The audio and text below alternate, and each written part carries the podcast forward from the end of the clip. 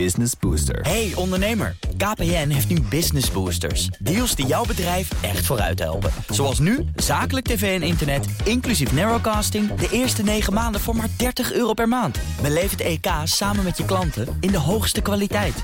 Kijk op kpn.com slash businessbooster. Business Booster. BNR Bouwmeesters wordt mede mogelijk gemaakt door Bouwend Nederland. De bouw maakt het.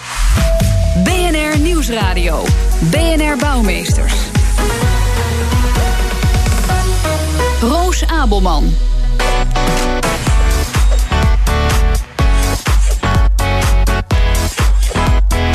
Welkom in Rijswijk Buiten.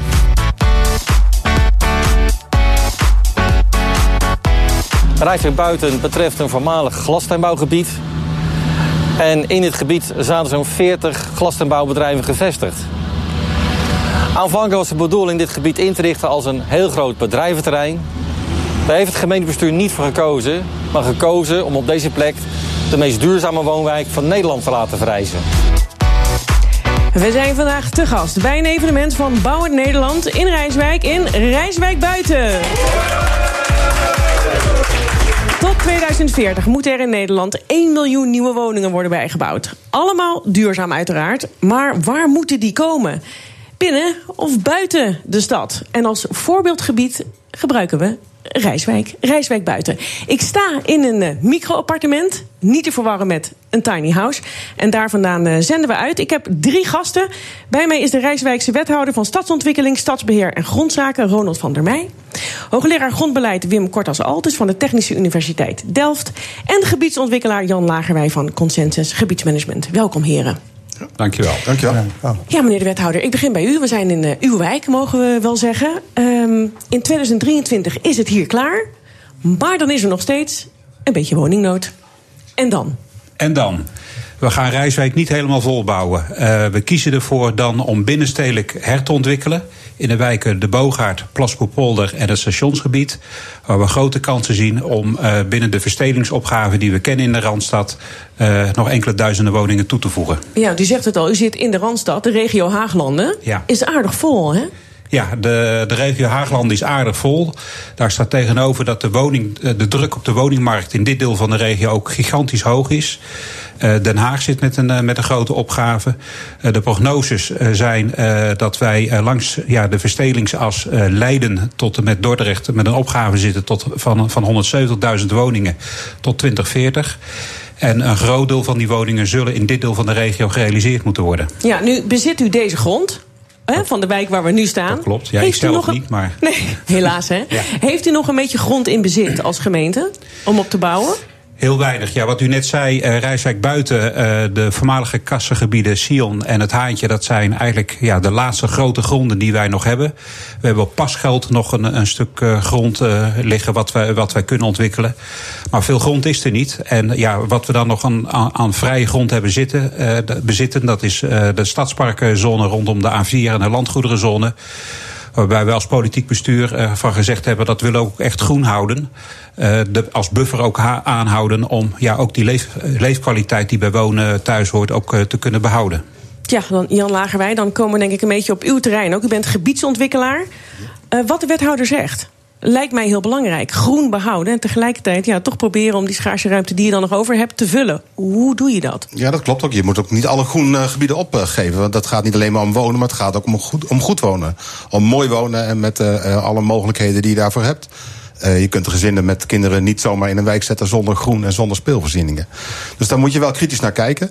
Maar dat wil niet zeggen dat als je goed kijkt, dat er dan wel veel verdichtingsmogelijkheden zijn. Ja, en waar dat... moet je het dan in vinden? Er zijn soms bedrijven, oude kantoren die niet meer uh, functioneren, die je zou kunnen gebruiken voor omvorming van woningbouw. Soms ga je ook dichter bouwen, gewoon wat compacter bouwen. Uh, dat doe je vooral in de centra van de grote steden, rondom, de, rondom de voorzieningen. Uh, uh, en soms op oude bedrijfsterreinen, uh, waarvan je denkt dat de bedrijven niet meer op die manier gebruikt gaan worden. Ja. Ik doe op dit moment een opdracht in Rotterdam. En daar zie je veel van die havengebieden die in, het stad, in de stad zelf liggen. Die heel langzamerhand steeds minder gebruikt worden voor havenactiviteiten. En die worden heel langzaam getransformeerd naar woningbouw. Dat is een mooi voorbeeld van binnenstedelijk bouwen. Ja. Waar een groot deel van die 170.000 woningen kan worden gerealiseerd. Wim Kortas-Altes, um, de gemeente hier heeft het project zelf ontwikkeld. Hoe bijzonder is dat?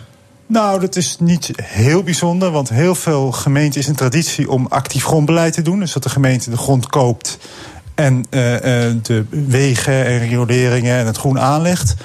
Het is alleen wel vanwege de crisis wel een beetje omstreden geworden. Dat je denkt van ja, dan neem je ook een bepaald risico. En dan moet je dus afwegen tegen het belang van die woningbouw. Want tegenover het risico is genomen? Nou ja, als je grond koopt, dan investeer je.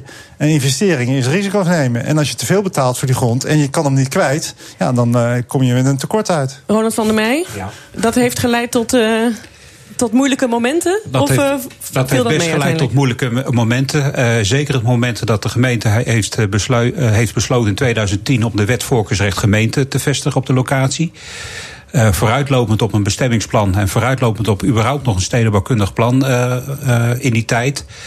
En dat zijn best moeilijke momenten geweest. Want Ja. je gaat inderdaad op dat moment het risico aan. Maar jullie hebben meer gedaan hier dan alleen maar de grond in bezit hebben, toch? klopt, jullie waren veel meer op de stoel gaan zitten van de projectontwikkelaar. Ja, het was inderdaad aan het begin van de, van de woningcrisis.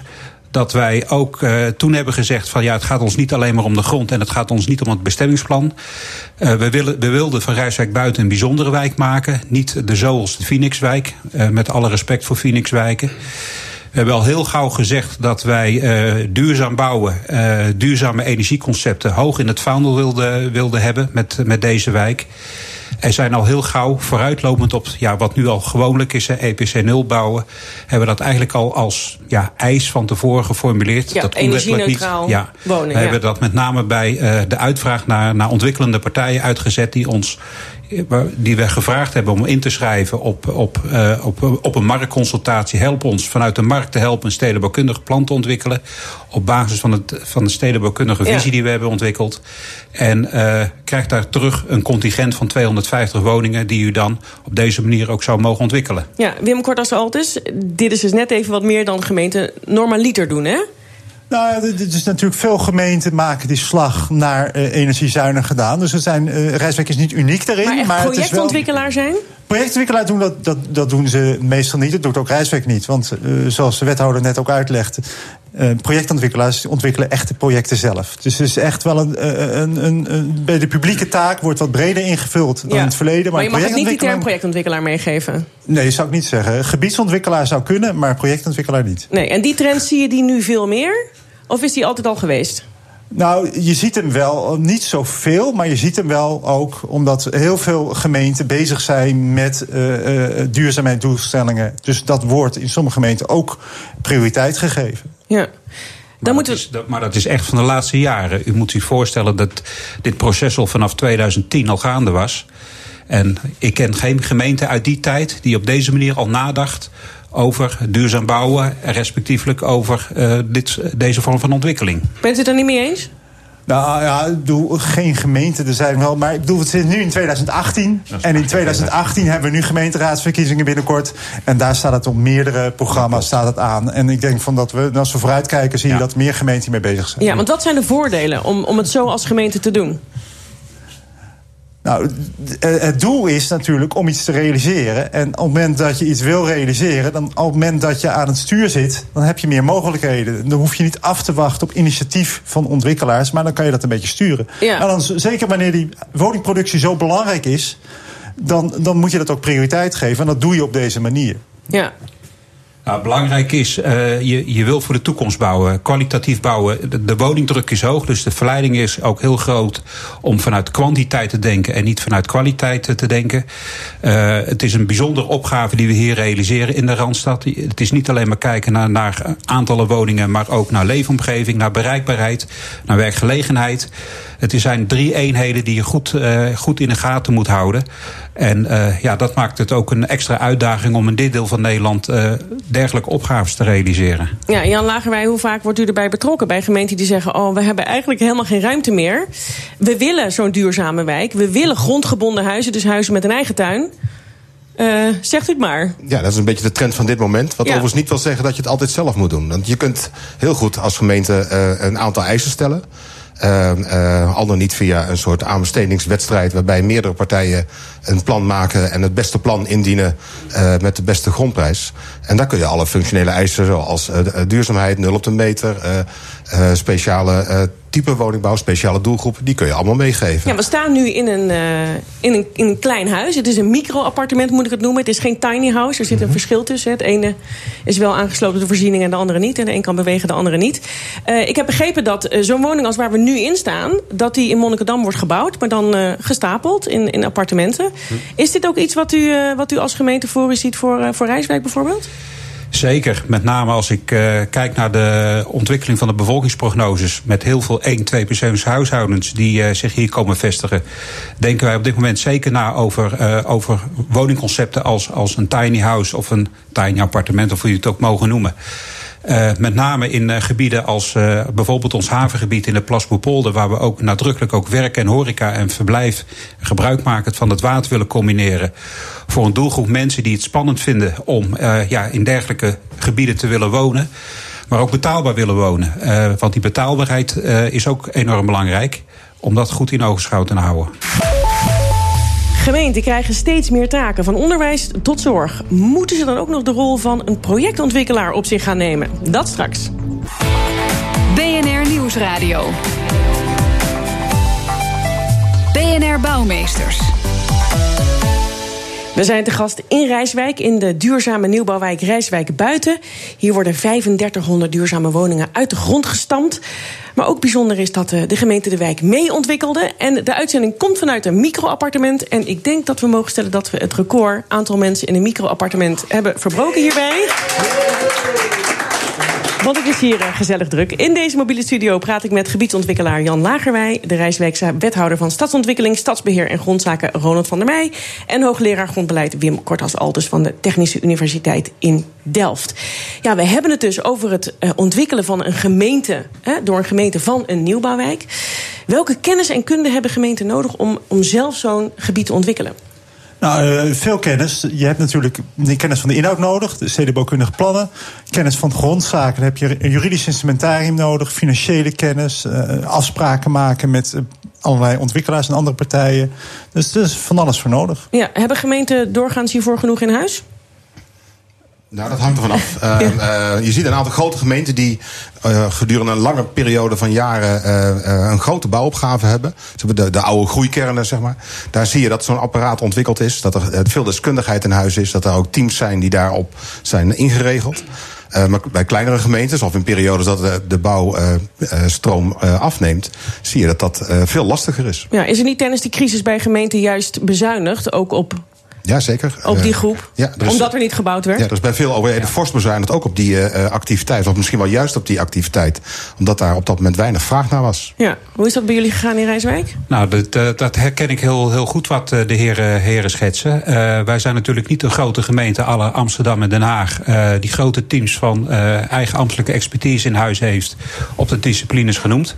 Kon u ook geen hulp inroepen van andere gemeenten? Aangezien u bent onderdeel van de regio Haaglanden. Dat, en u deelt het, het woningnoodprobleem we hebben ook niet in de laatste plaats ook hulp gevraagd uh, van de TU Delft. Om het ontwikkelmodel zoals we dat voor Rijswijk buiten hebben neergezet. Ook samen met, uh, met die kennis te ontwikkelen.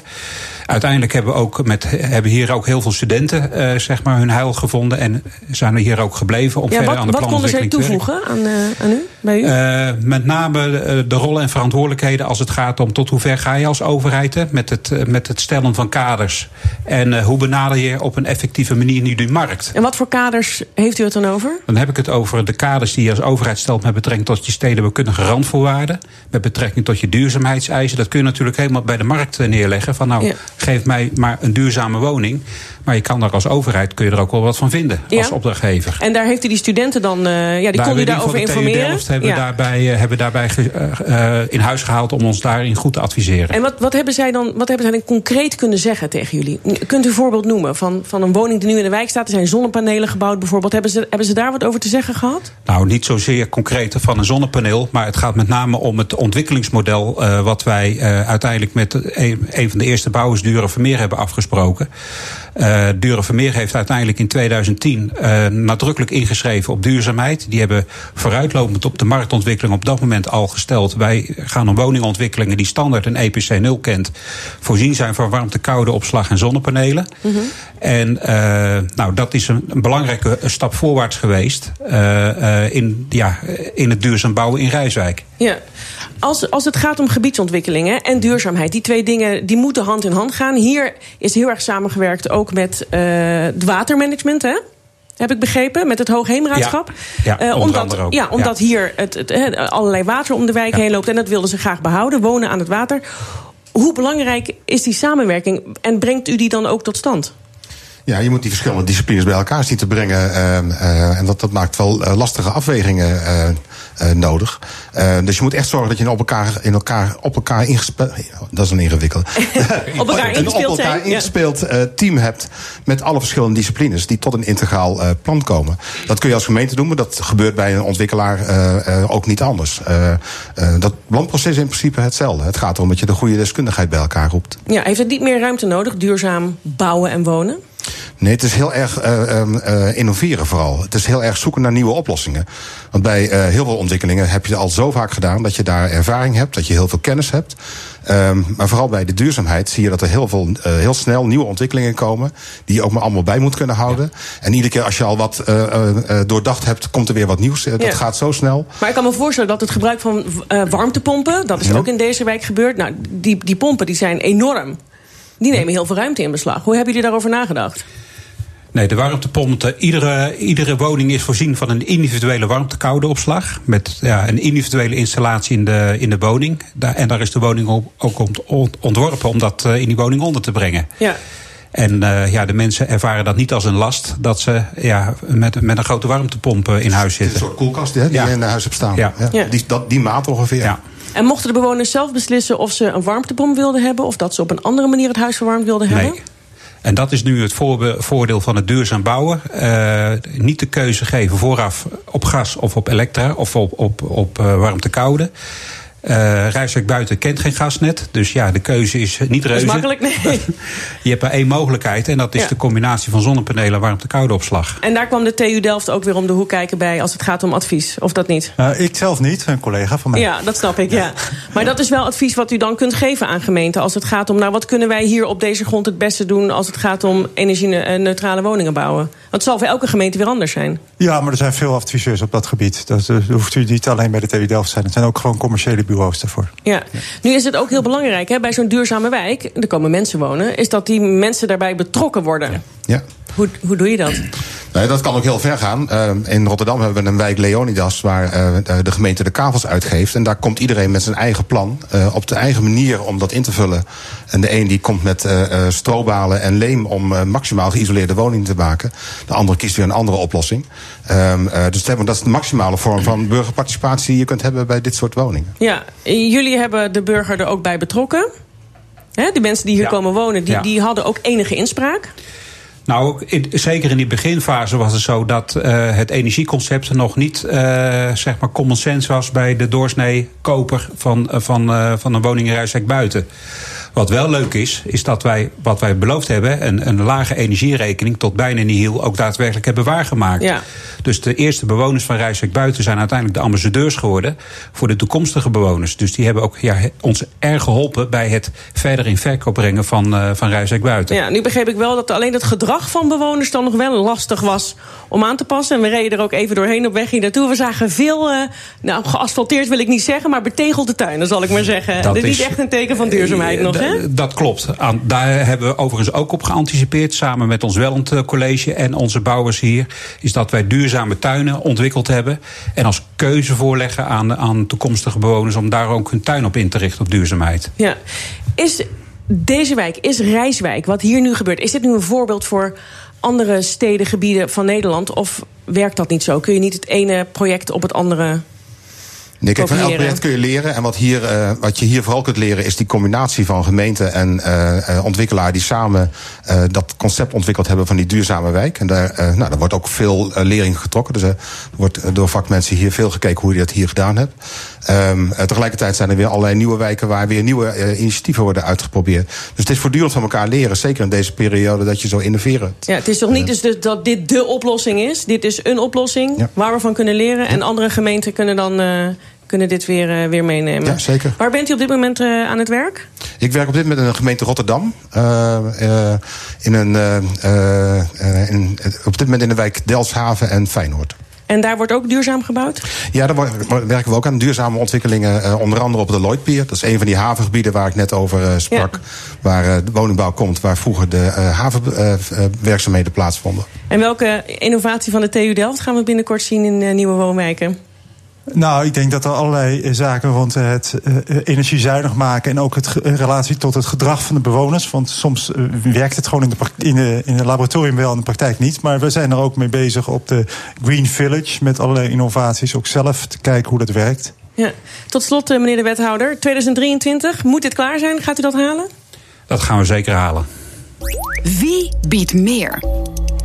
Ja, van Rijswijk gaan we nu naar iets heel anders. Het is weer tijd voor onze rubriek Wie biedt meer? Waar we op zoek gaan naar de extreme in de bouw. En de vraag van vandaag is: wat is de grootste bouwconstructie dat ooit over land verplaatst is? Is dat langer dan 250 meter of korter? Zegt u het maar. Heren, uh, moet even langer, nadenken. Langer, denk ik. Langer? Ja. Ik denk ook al langer, een brug.